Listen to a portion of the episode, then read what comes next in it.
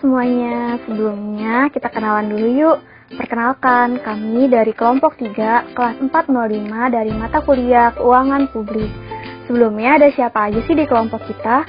Yang pertama, itu ada Arina, terus ada Agnesti, selanjutnya ada Galis Gayatri, ada Aulia, ada Ramdhani, ada Kimia, dan juga ada Yohana. Jadi gengs, aku mau nanya nih, sebelumnya, gimana nih rasanya liburan di rumah aja? Bosen banget sumpah, kangen kuliah offline.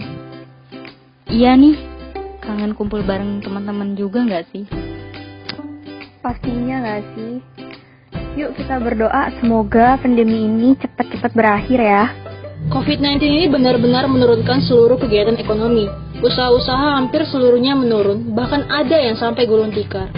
Betul banget, makanya pemerintah bisa mungkin berusaha mengalokasikan APBN untuk sektor-sektor yang berdampak dari COVID-19 ini. Yap, bener banget Ken.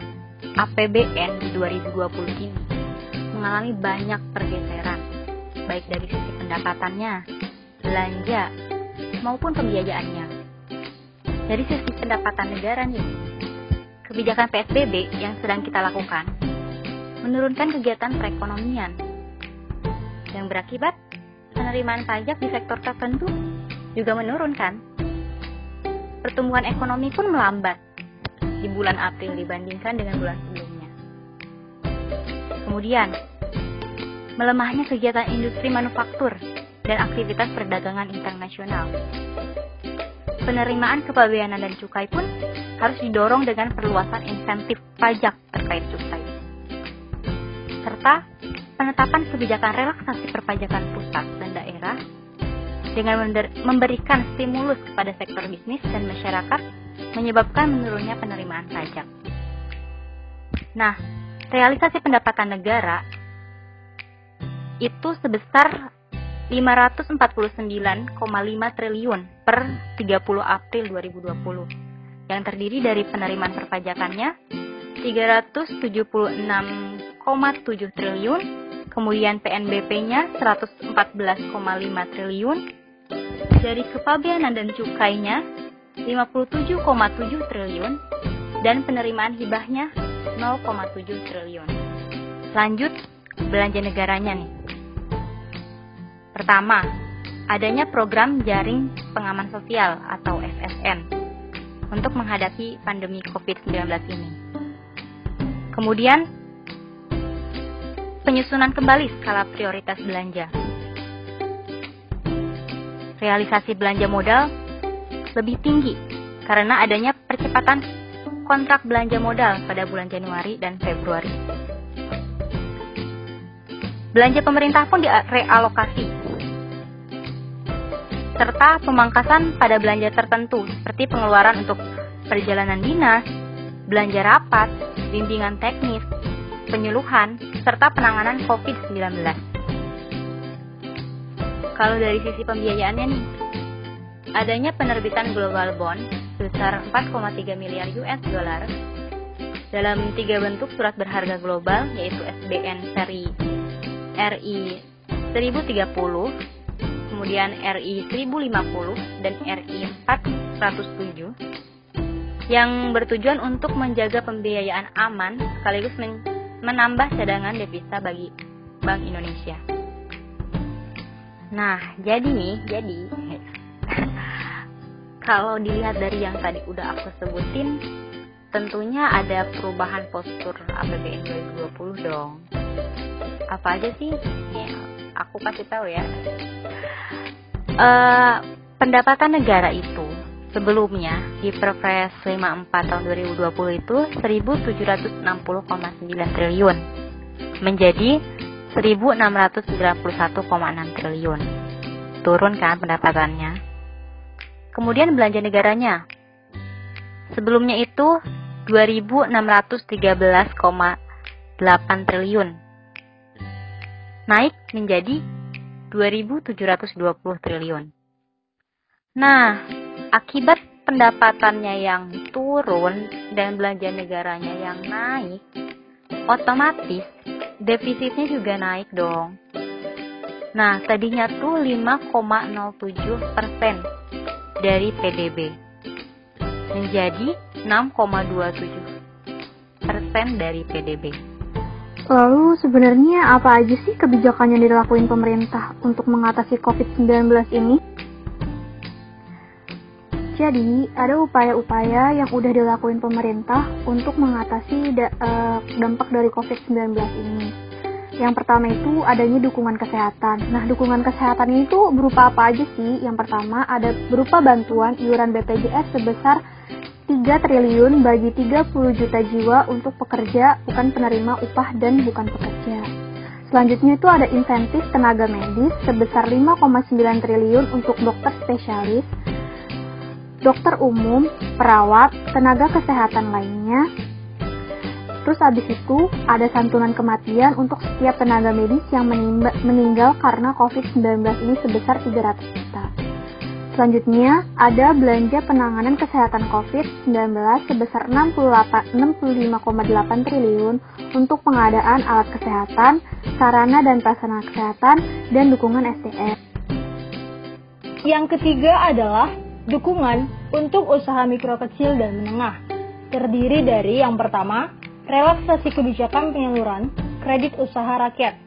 Nah, relaksasi kebijakan ini terdiri dari penundaan angsuran dan pembebasan bunga bagi sekitar 8,3 juta debitur selama 6 bulan, serta tambahan anggaran subsidi bunga sebesar 6,1 triliun. Kemudian yang kedua, adanya relaksasi kredit ultramikro untuk 11,4 juta debitur ultramikro dan non-ultramikro, terdiri dari penundaan angsuran pokok dan bunga selama 6 bulan bagi debitur yang terdapat COVID-19, serta relaksasi syarat administrasi dan kecepatan pemberian kredit. Yang keempat adalah dukungan untuk dunia usaha. Ada enam. Yang pertama, Insentif PPh 21 untuk pekerja sektor industri pengolahan ditanggung pemerintah sebesar 100% dengan nominal 8,6 triliun rupiah.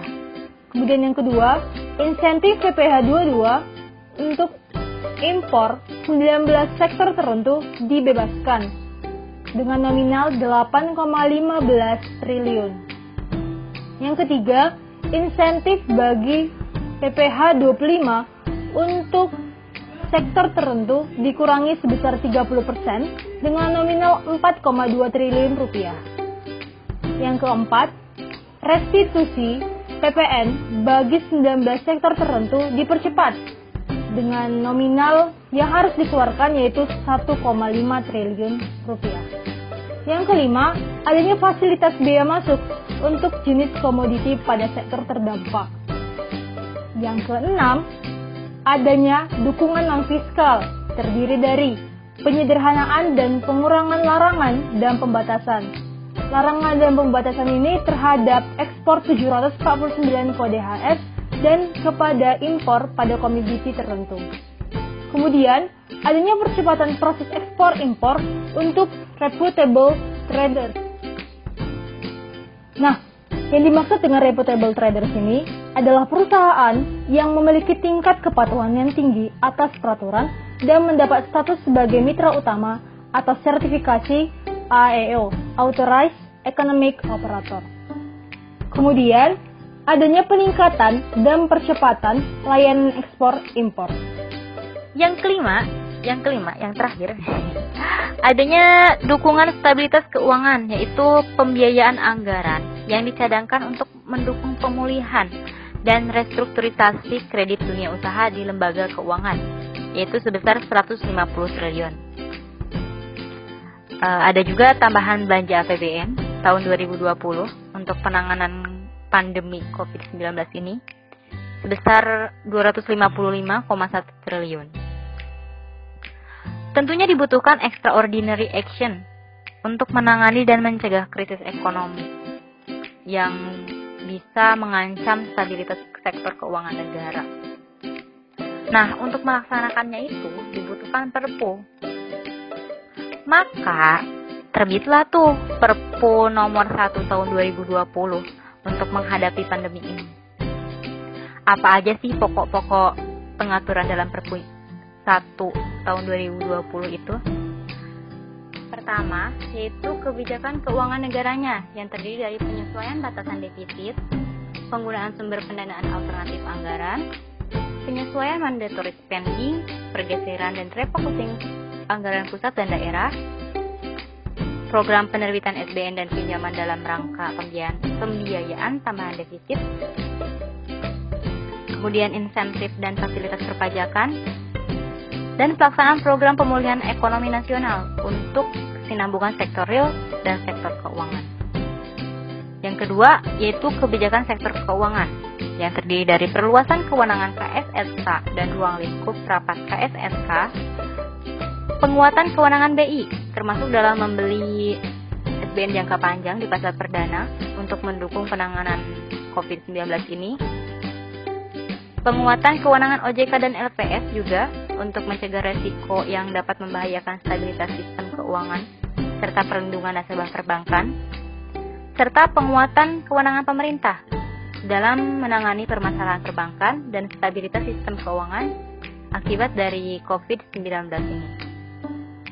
Nah, Perpres 54 tahun 2020 juga dirilis sebagai tindak lanjut dari Perpu nomor 1 tahun 2020 tadi terkait kebijakan keuangan negara dan stabilitas sistem keuangan untuk menangani pandemi COVID-19.